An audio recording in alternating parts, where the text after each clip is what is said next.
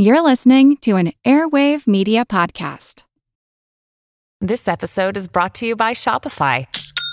Forget the frustration of picking commerce platforms when you switch your business to Shopify, the global commerce platform that supercharges your selling wherever you sell. With Shopify, you'll harness the same intuitive features, trusted apps, and powerful analytics used by the world's leading brands. Sign up today for your $1 per month trial period at shopify.com slash tech, all lowercase. That's shopify.com slash tech.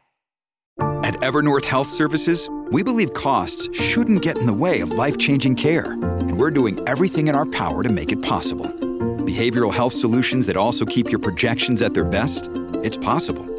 Pharmacy benefits that benefit your bottom line? It's possible. Complex specialty care that cares about your ROI? It's possible. Because we're already doing it. All while saving businesses billions. That's Wonder made possible. Learn more at evernorth.com/wonder. This is Kick-Ass News. I'm Ben Mathis.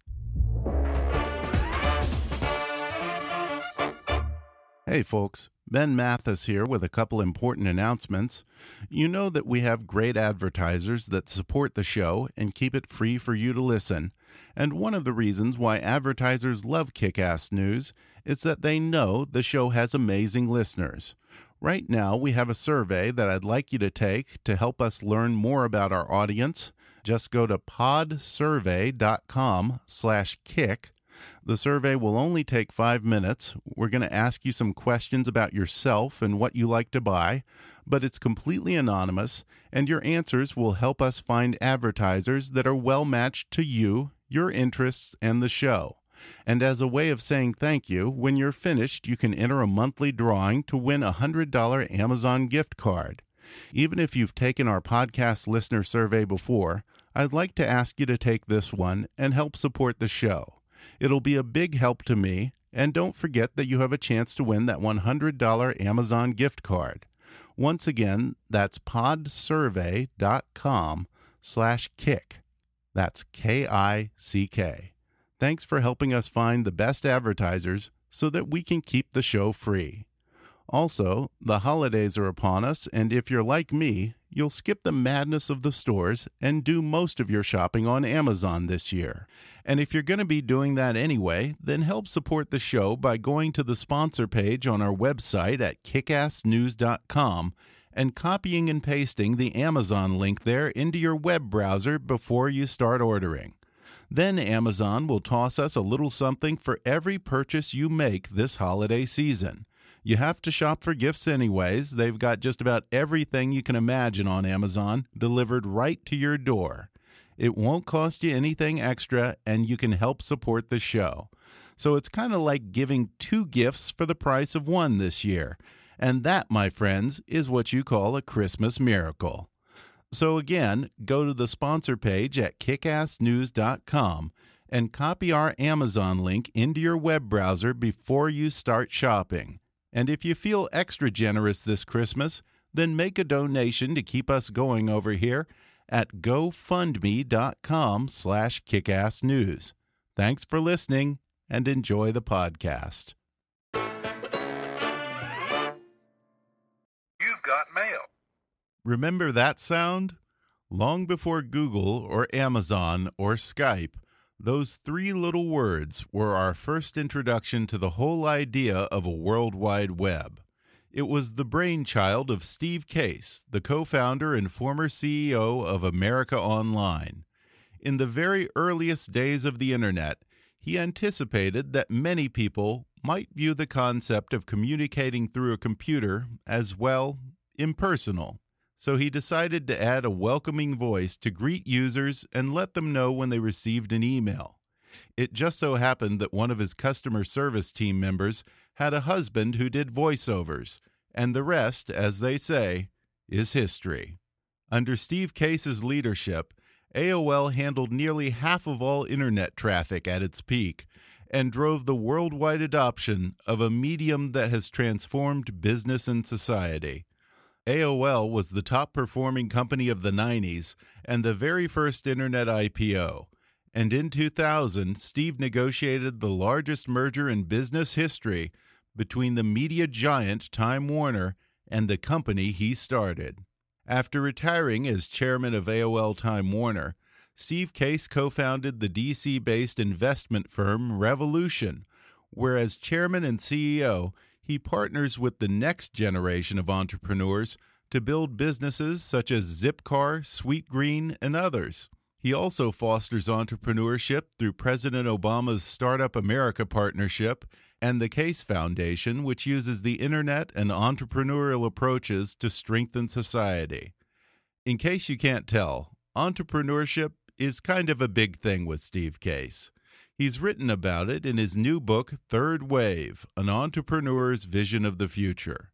In it, he envisions what he calls the third wave of the Internet's evolution, in which the so called Internet of Things becomes the Internet of Everything. In other words, the internet is going to be so ingrained in every aspect of our lives that we won't even use the word internet anymore.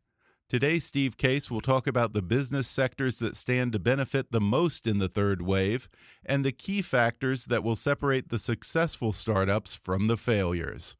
He'll explain why entrepreneurs in the third wave may have to accept that government will play a larger role in the next tech boom and why disruptive industries won't necessarily spring up in Silicon Valley, but all over the country in places like Nashville, Detroit, and Kansas City. He'll reminisce about the early days of the internet and the lessons learned as he took AOL from an idea that no one even knew they wanted to the biggest merger in history. Coming up with Steve Case in just a moment.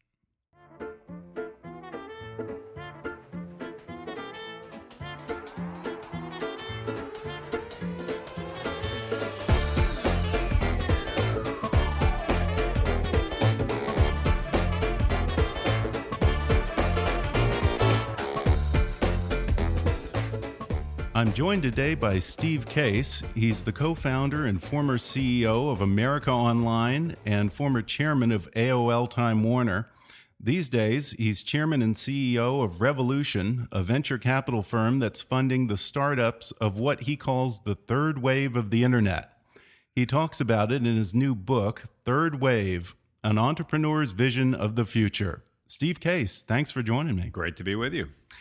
Well, I enjoyed the book, and you didn't want to write just a regular old memoir. Right. And this is, as you say, part memoir, part manifesto, and part playbook for the future.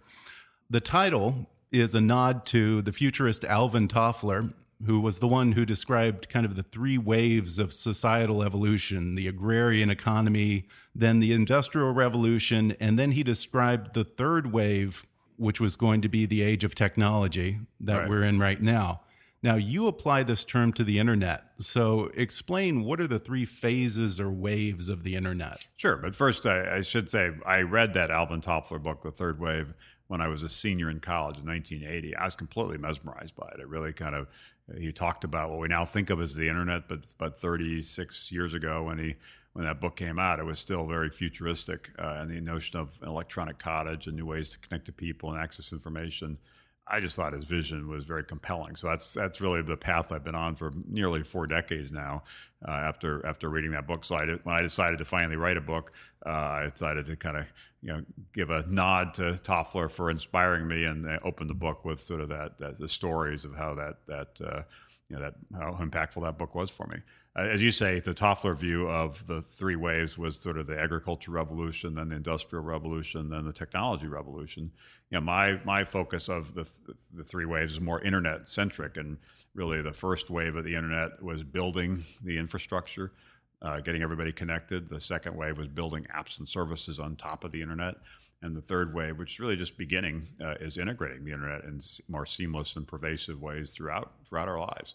Uh, and the reason I decided to finally write a book, people have talked to me over the years about wanting to write something about this or something about that, is I realized that the third wave that's just beginning to develop is going to be quite different than the second wave, uh, but actually somewhat similar to some of the dynamics in the first wave. And that really led me to be able to write a book that's mostly about the future, but does tell some of the you know the stories of uh, of those early days of, of, of, the internet. It seems crazy now, but when we started AOL, it was, it was 31 years ago in 1985.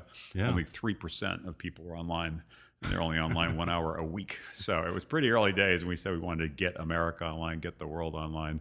You know, that, it took a while. It took us really a decade, but that's really defined not just AOL, but but Cisco and and um, Microsoft and IBM and, and many other companies were all Sun were part of that kind of first wave.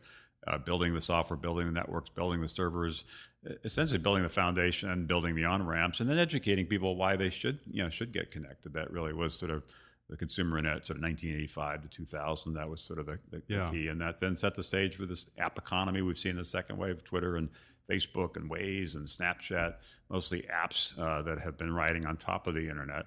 Uh, and that's had a profound impact on our, our lives as well. Uh, but third wave really is is the next big leap, and it's going to change how we think about healthcare and education and energy and transportation, foods, and big sectors of our economy, and frankly, important aspects of our lives. So that's that's what led me to write the book. And as you said, it's a it's a little bit of a memoir, uh, but also a little bit of a manifesto, and also a little bit of a playbook in terms of how people can think about the future.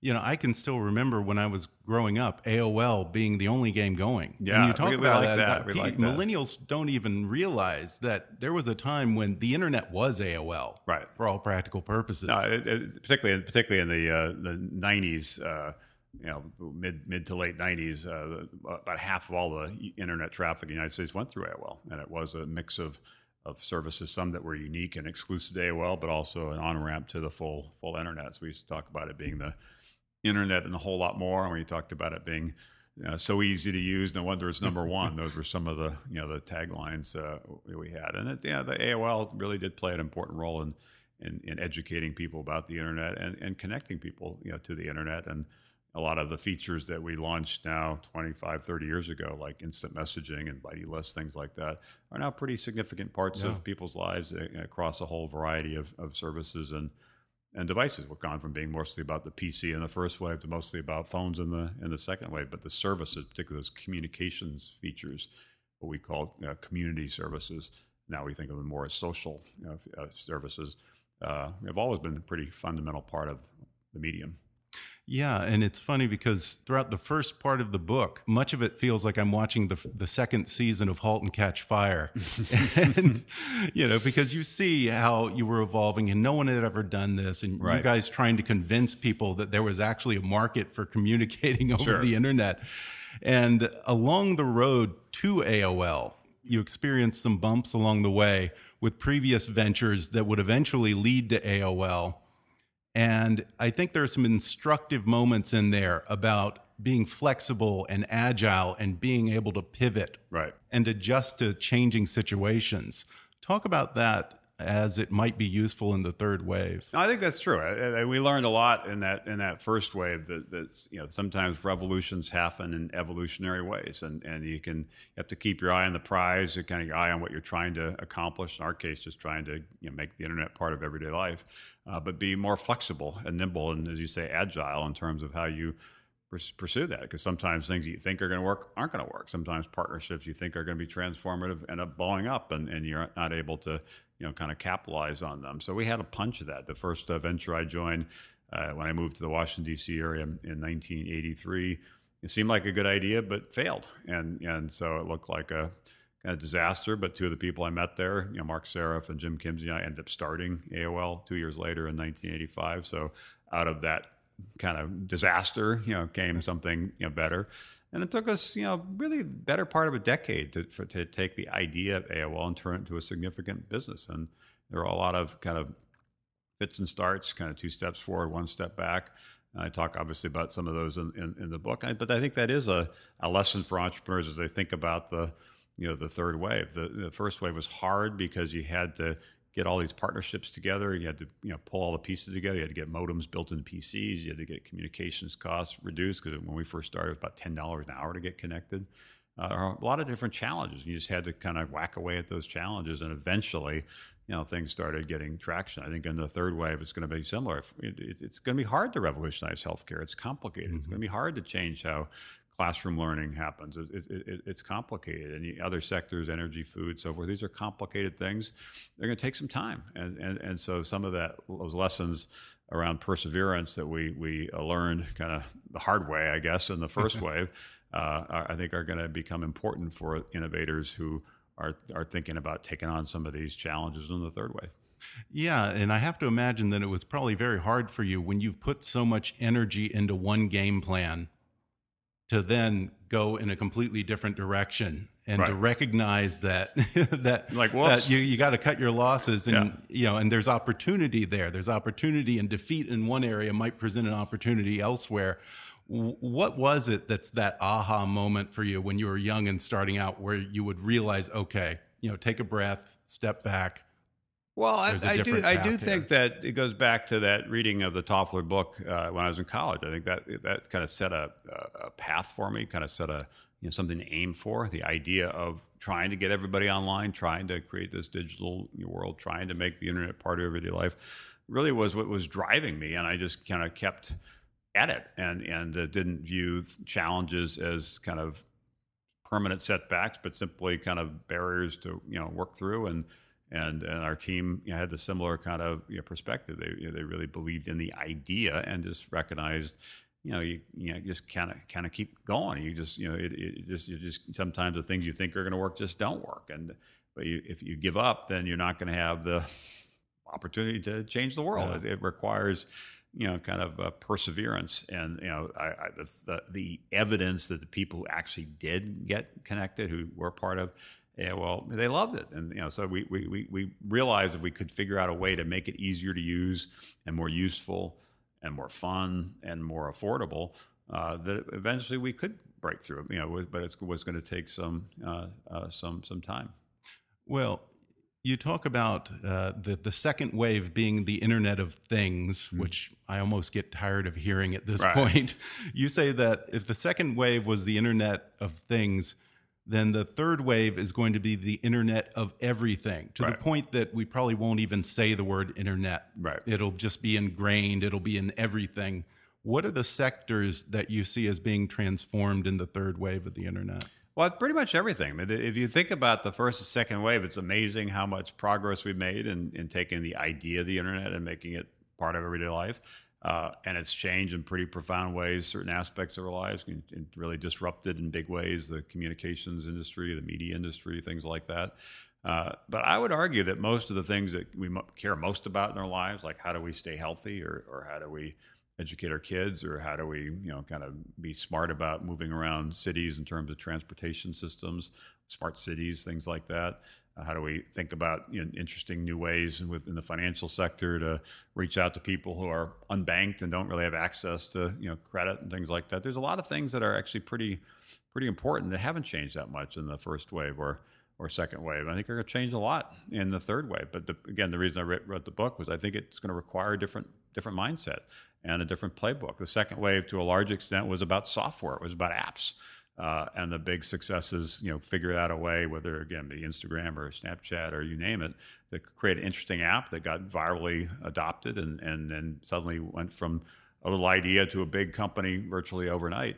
Uh, and the in the third wave, it's going to, of course, the software is going to be, be important. Of course, the internet is going to be important, but it's how it gets connected with the, the rest of our lives. How do you actually take that and make it useful so teachers use it in classrooms? How do you figure out better ways for doctors to help us with chronic diseases or, or life-threatening diseases with more kind of precision, you know, kind of medicine? These are hard problems, and it's going to require uh, this different uh, mindset and a different uh, playbook and perseverance uh, is going to be part of it. You know, partnerships are going to be part of it. You know, having strategic partners, I think, are going to be critical, and policy is going to be you know, you know part of it. You know, these are regulated sectors, and understanding that and figuring out a way to be constructive around you know, engaging with governments uh, around some of these issues are going to be uh, important as well. So I think there's a lot of opportunity for innovation. Uh, and much of that will come from the small companies, the startups. Some of it's going to come from the big companies. I think they have assets that they can leverage in the third wave uh, if they're nimble, if they're agile, and if they figure out a way to not just innovate within their company, but innovate around their company, kind of build a network around their company, including partnering with the with the entrepreneurs. So that's why I think it's just a different mindset in this third wave. Yeah, and one of the things that you talk about being key is speed. Right. And always looking in the rearview mirror for who's coming up behind you. And it seems like we're almost at a point of hyper speed. You know, Right. in, the, in the days of Coca Cola, you would have a You'd good amount of lead right. time, and you would be aware of your enemies coming up behind you. But nowadays, it seems like the next competitor could come out of nowhere and it could be in a matter of a couple of months.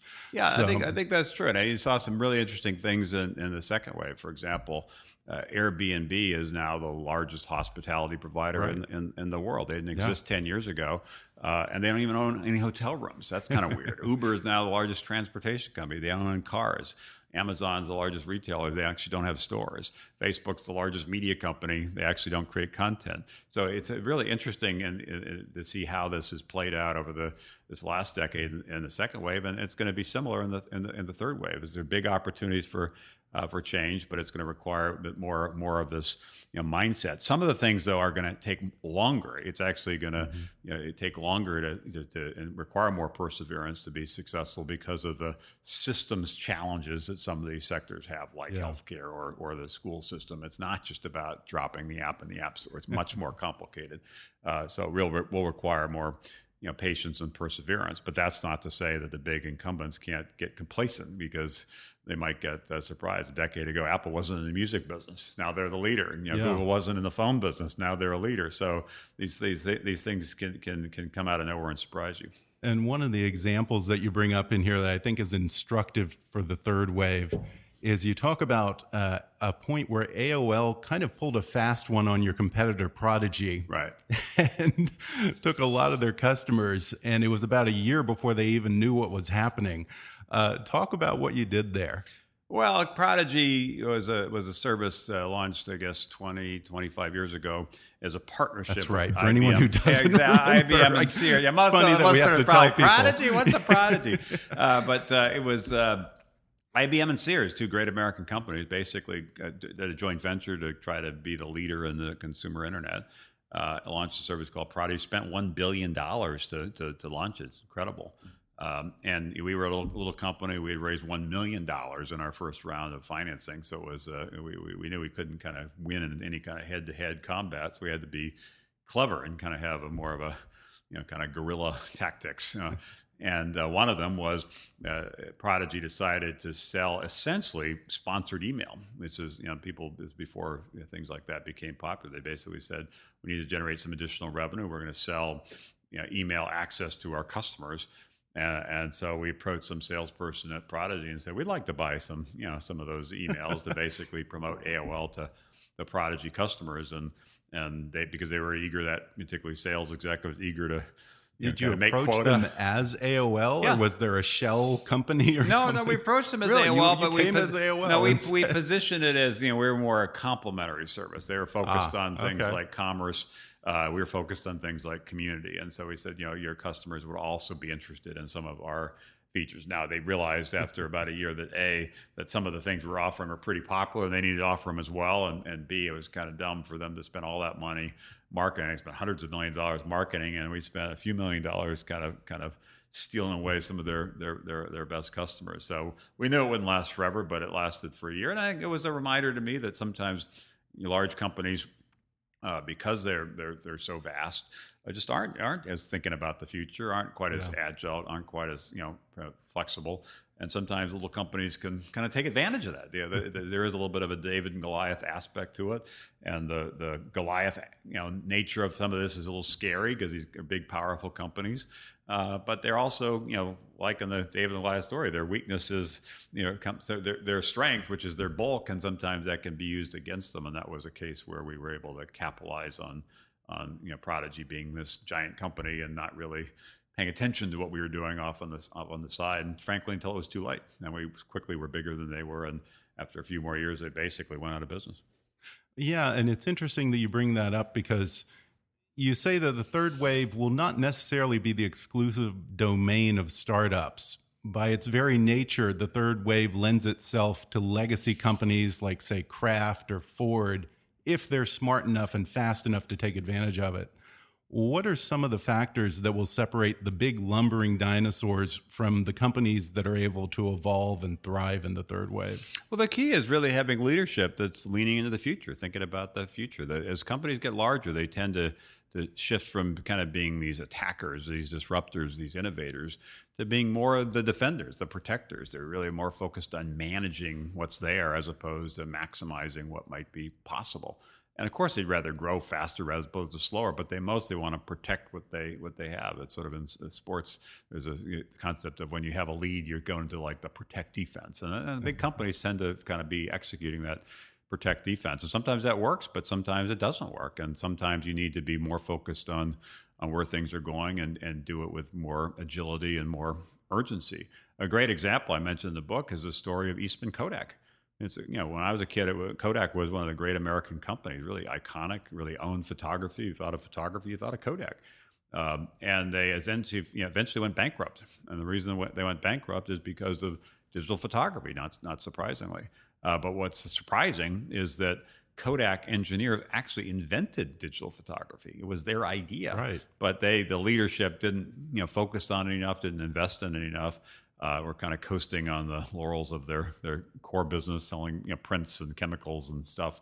Uh, and so they didn't really want to see digital photography take off, so they didn't invest heavily in it. Eventually, others did, and they got left behind. So I think that's a, a lesson for big companies that just because you're big now doesn't mean you'll be big tomorrow. You've got to continue to focus on the future, and you've got to focus on partnering with people that are helping to create that future. Well, we're going to take a quick break, and then I'll be back to talk more with Steve Case author of Third Wave An Entrepreneur's Vision of the Future.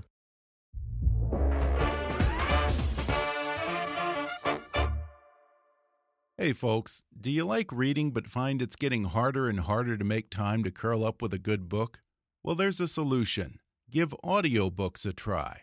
They're perfect for your commute to work or working out at the gym, a relaxing bath, or any time really. And right now, you can take an audiobook for a spin with a special promotion just for our listeners from audible.com. Just go to audibletrial.com slash kickassnews to get a free 30-day trial and download any of Audible's 180,000 titles entirely for free. That's audibletrial.com slash kickassnews or click on the sponsor link on our webpage to download the free audiobook of your choice. And now back to the show. We're back, and I'm talking with Steve Case, the author of Third Wave An Entrepreneur's Vision of the Future. Well, let's talk about some of the advice that you give to startups who want to take advantage of this internet of everything in the third wave. You refer to three P's that are the keys to success in the third wave partnership, policy, and perseverance. Um, first of all, let's talk about partnership. You say it's key because most third wave industries have gatekeepers. What kind of partnerships should startups be looking for in that kind of environment? Well, it depends obviously what sector you're focused on. But right. if you take healthcare uh, as, a, as an example, uh, if you really want to revolutionize healthcare, you kind of have to work with doctors. You kind of have to work with hospitals. You kind of have to work with the health plans. Uh, and so it's not just about an app you create, it's how you partner with the people that are really on the ground delivering healthcare services, paying for healthcare services. Uh, and that makes it more challenging. You know, frankly, it's hard hard to break into a hospital, hard to get them to adopt your your, your technology. Uh, but I think that's what's going to be required to really have a significant impact and build a uh, a significant business. Similarly, there's a lot of companies working on different devices and sensors with you know so these Internet of Things or what you know Internet of Everything concept. Uh, but there's some big companies like uh, GE uh, and IBM. They're very focused on the industrial internet, very focused on smart cities. Um, and they're really focused on being systems integrators, partnering with lots of technologies, lots of companies, and, and connecting the dots for, for, for whole cities. And so, if you're a startup you're probably not going to be able to convince a city to adopt your technology, but you probably can convince GE to adopt your technology as part of an overall citywide solution. So that's a case where you'll get more traction more quickly if you figure out a way to, to partner. I think the startups in the third wave will need those big companies. The big companies in the third wave will need those startups. It just requires both of them to dance a little differently. And I, I cite in the book an African proverb that I think will really kind of inform the third wave which is you want to go quickly, you can go alone, but if you want to go far, you must go together. I think that really yeah. is going to be a key dynamic in the third wave. And all of this is somewhat reminiscent of the biggest merger in business history, mm-hmm. um, the AOL Time Warner merger, which you talk about at length in this book. Uh, at the time, it seemed like it was a perfect match, match made in heaven. Right. You know, an internet company and a big media company that had broadband services and all that. And then it all seemed to fall apart. What went wrong there? And perhaps what are some lessons that that can be taken from that? Well, the key lesson is I and I cite in the book Thomas Edison, who over a century ago said, "Vision without execution is hallucination." the idea of the merger of AOL and Time Warner did make sense. It, it should have been the sort of the, the, the, dream merger because they the complementary skills and assets both companies you know kind of kind of had. But the reality is we couldn't execute against that vision, and that ultimately came down to you know people and priorities. Instead of running it in an integrated way, kind of we're all in this together. You know, kind of one team. Let's take on take take on the future it ended up being kind of different silos, different you know fiefdoms, people fighting with each other. Uh, digital music is a good example. When we launched the merger or announced it in 2000, this was years before Apple launched the iPod or, or uh, uh, the iTunes Store. You know, probably five years before that. Uh, and AOL and Time Warner should have been the leader. AOL was a leading internet company. Yeah. Time Warner owned the cable system. It was the largest broadband provider and also owned Warner Music, the largest music company. How can they not come together and lead the way in digital music? Well, the reality is they didn't really work together. Uh, everybody had different plans and were doing their own things kind of independently. And so, what could have been a great opportunity to lead the way in digital music or lead the way in digital video or lead the way in many other sectors you know, ended up being a kind of missed opportunity. So the lesson for me, which is uh, uh, I obviously discussed in the book, is it, ultimately is is about people. It's ultimately about you know culture. If you have the right team working together in the right way, I think anything is possible. If you don't, nothing's possible. And we learned that sadly with the with that merger. Yeah, and I have to imagine it was kind of heartbreaking for you looking back when you talk in the book about how you wanted to buy Google right. in the very early days. You wanted to buy Apple. You know, there were a lot of missed opportunities there that I guess were just the result of the Time Warner side just not getting it. You're yeah, not getting what the future it's, was. It's a there. mix of things, and and after you know we, we, we did end up buying five percent of Google as part of a deal, and that ended up being a smart uh, uh, thing. But uh, in retrospect, it would have been better to buy all of it. And and we toyed with the idea of some other you know mergers, uh, acquisitions, including when Apple was still kind of struggling. Steve Jobs had just gone back in, but hadn't really seen a resurgence yet. But there just wasn't a lot of interest in another acquisition. And at the time, the perception was Apple was really just a personal computer kind of hardware company, and and you know, but they hadn't really been that successful in software or services yet. Uh, and so I, I, think there are a lot of missed opportunities. And again, that's it's uh, it's disappointing for me. I think it's disappointing for everybody involved with AOL and, and Time Warner. But hopefully, the, some of the lessons you know learn from that, which I try to describe yeah. in the book, will be helpful to the next you know generation of innovators, whether they be the small companies or the large companies, trying to figure out how to kind of embrace the future. Well, the second P that you talk about as one of the keys to success in the third wave might be anathema to many free market Ayn Rand type entrepreneurs out there, but you say that the third wave companies are going to have to get along with the government and accept regulation or die.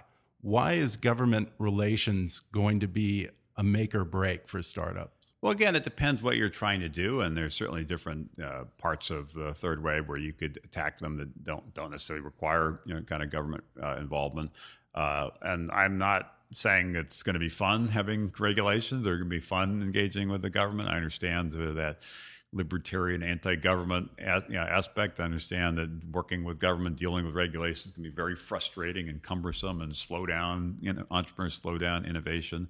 That's all true. But what's also true is that we're going to have, and most countries are going to have, regulations around the big sectors that are up for grabs in the third wave. Uh, and they're going to be things, for example, in the food sector, to make sure the the food our kids eat at school is going to not going to make them sick, or the drugs our parents take isn't going to kill them, or that the drones flying in the sky or the autonomous driverless cars on our roads are not going to create havoc in our in our our communities. That's just the nature of the innovation that's possible in the third wave. So understanding that and and saying that part of the success of, of the innovators in the third wave is integrating that policy aspect into their their thinking is going to be important. It's not going to be just about the software. It's going to also be about understanding the you know the policy and figuring out ways to create the right kind of partnerships. And the uh, people who understand that are going to be successful. The people don't probably won't be. And that's part of the reason I wrote the book because I realized that the the first wave was really made possible by those you know three P's: the the importance of partnership, the importance of, of, of policy, the importance of perseverance. Less so in the second wave. You know, basically because it was mostly about apps. There were overnight successes. The government generally wasn't in, involved with the you know with things like Facebook and right. and, and, Twitter and, and, and so forth. You know, it was a different playbook, and the playbook in the third wave is going to change. And some of those lessons from the first wave are going to be, I think, very instructive in the third wave. And, and the role of government, role of policy is certainly part of that. Right. And you also say that it's a two way street. The government is going to have to innovate itself lest it be quote unquote disrupted right. by uh, other countries like India, China, Brazil, et cetera.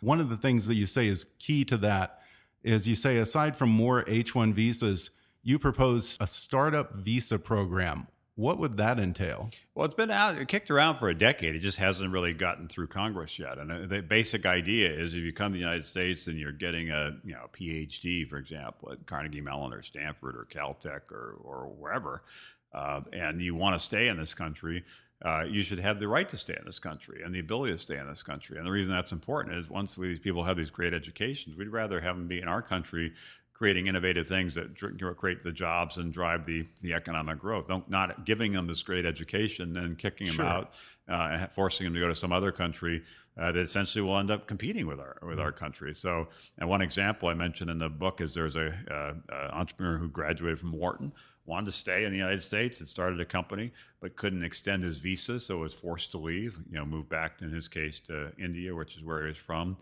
And that company called Snapdeal now has 5,000 employees and it's worth $5 billion and it's in India. He wanted that to yeah. be in America. So the startup visa idea is, is really more how do we make sure that we win what's now a global battle for talent and people who do want to be part of the American innovation economy are able to create the companies here that create the jobs here and drive the economic uh, growth here. Well, someone needs to tell Donald Trump this, I think.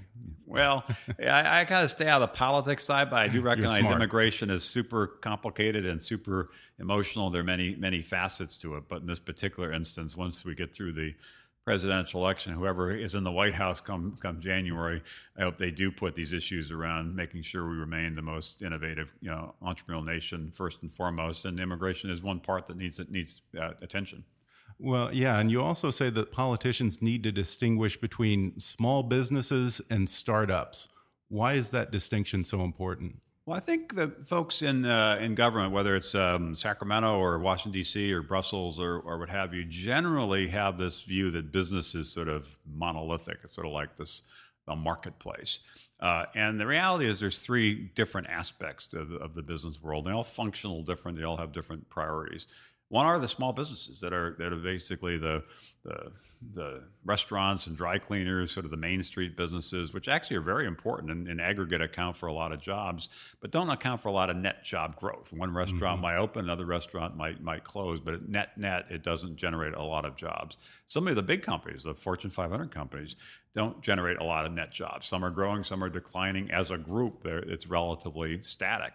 The data in the Kauffman Foundation tracks it says all the real job growth is coming from these young, high growth startups. And so, if you want to create more jobs, you want to drive more growth, you got to make it easier for more entrepreneurs in more places with, with various ideas to have a shot. And, and you need to level the playing field so everybody has a, has a shot.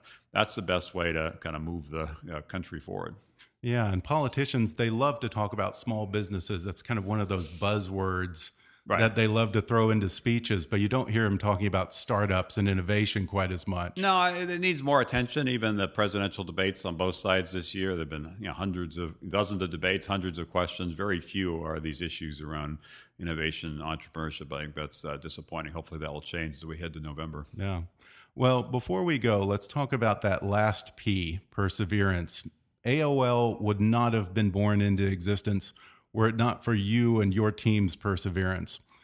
What do you have to say to those ambitious young people, those millennials who are getting ready to start up a, a, a business of their own in the third wave here? Well, obviously, anybody wants to create any business and, and do something entrepreneurial. I, I, I celebrate, I, I support. But I hope the next wave of entrepreneurs really are focused on important aspects of our lives, things we've talked about in the, in the, the opportunities in the third wave, like improving education, improving healthcare, energy, or transportation or food, and recognize there are going to be harder problems to solve. They are going to require more perseverance. They're going to require more partnerships. They're going to require more engagement in policy, but they're important. They're important you know, challenges to, to, to address. And I, I hope they bring a, a, a, perspective while they're trying to build a company that's profitable. That's also a company that has impact, that has purpose, what some people call impact investing. I think that aspect's important. And hopefully, we'll also figure out a way to level the playing field so everybody with ideas has has a shot, irrespective of where they happen to live or whether what their their backgrounds are. Uh, and having a more inclusive approach to entrepreneurship uh, is, is, is important. Uh, but if you if you're going to attack a big problem, you, you, it, it's a you know, you're going to have to persevere. It's it's likely yeah. not going to be an overnight success, and that was certainly the lesson for us with AOL. It was yeah. it took us really ten years before we finally you know broke through, and we stuck with it, and eventually things kind of moved in in the right direction, and we were able to become you know the best performing stock of the 1990s. We went from a market value when we went public in 1992 to, of 70 million dollars to 160 billion dollars eight years later. So that proves that if you stick with it, uh, eventually things can really take off, and eventually you can build a significant, valuable you know, enterprise that also improves the you know, the world. That was my lesson from AOL. That was my lesson for the in the first wave, and hopefully this book, the third wave, will help inspire the next generation of entrepreneurs to take on the next big problems in yeah. in, in society and create the next big iconic companies uh, that that really can can uh, can change the world. But they're going to only be successful, in my opinion, if they they really embrace those those three P's around uh, partnership and policy and perseverance and you don't have to necessarily go to Silicon Valley anymore. You do not. You do not. That's a whole chapter called uh, "Rise the Rest." Regional entrepreneurship is really going to take off in the in the third wave. So if you want to be in California, New York, or Massachusetts, good for you. But if you want to be in some other part of the country, indeed some other part of the world, you're going to see much more innovation uh, in those places in the third wave. Good deal. Well, the book again is called Third Wave An Entrepreneur's Vision of the Future by Steve Case. Steve, thanks for joining me. Thank you. It was a lot of fun.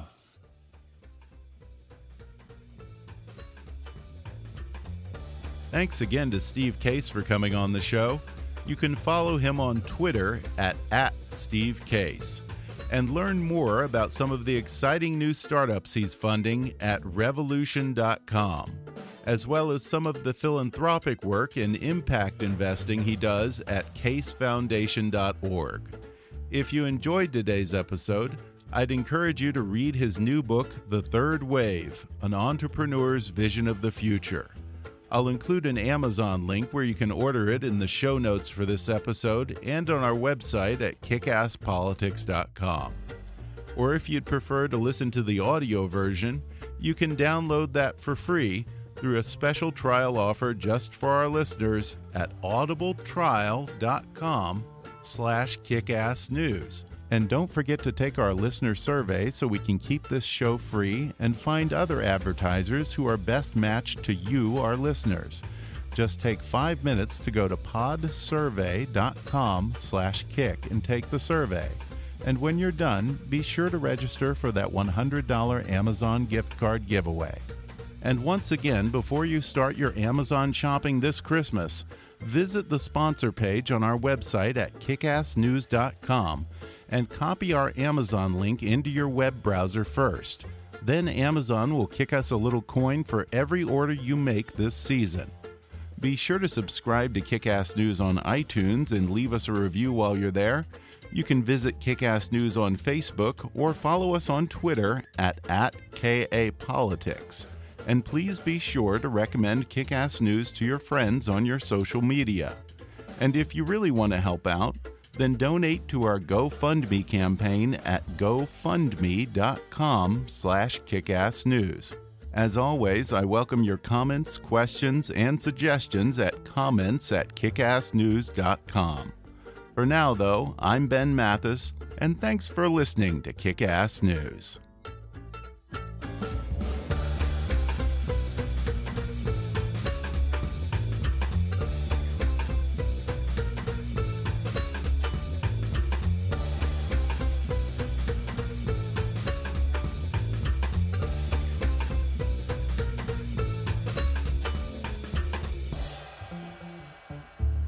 Kickass News is a trademark of Mathis Entertainment, Inc.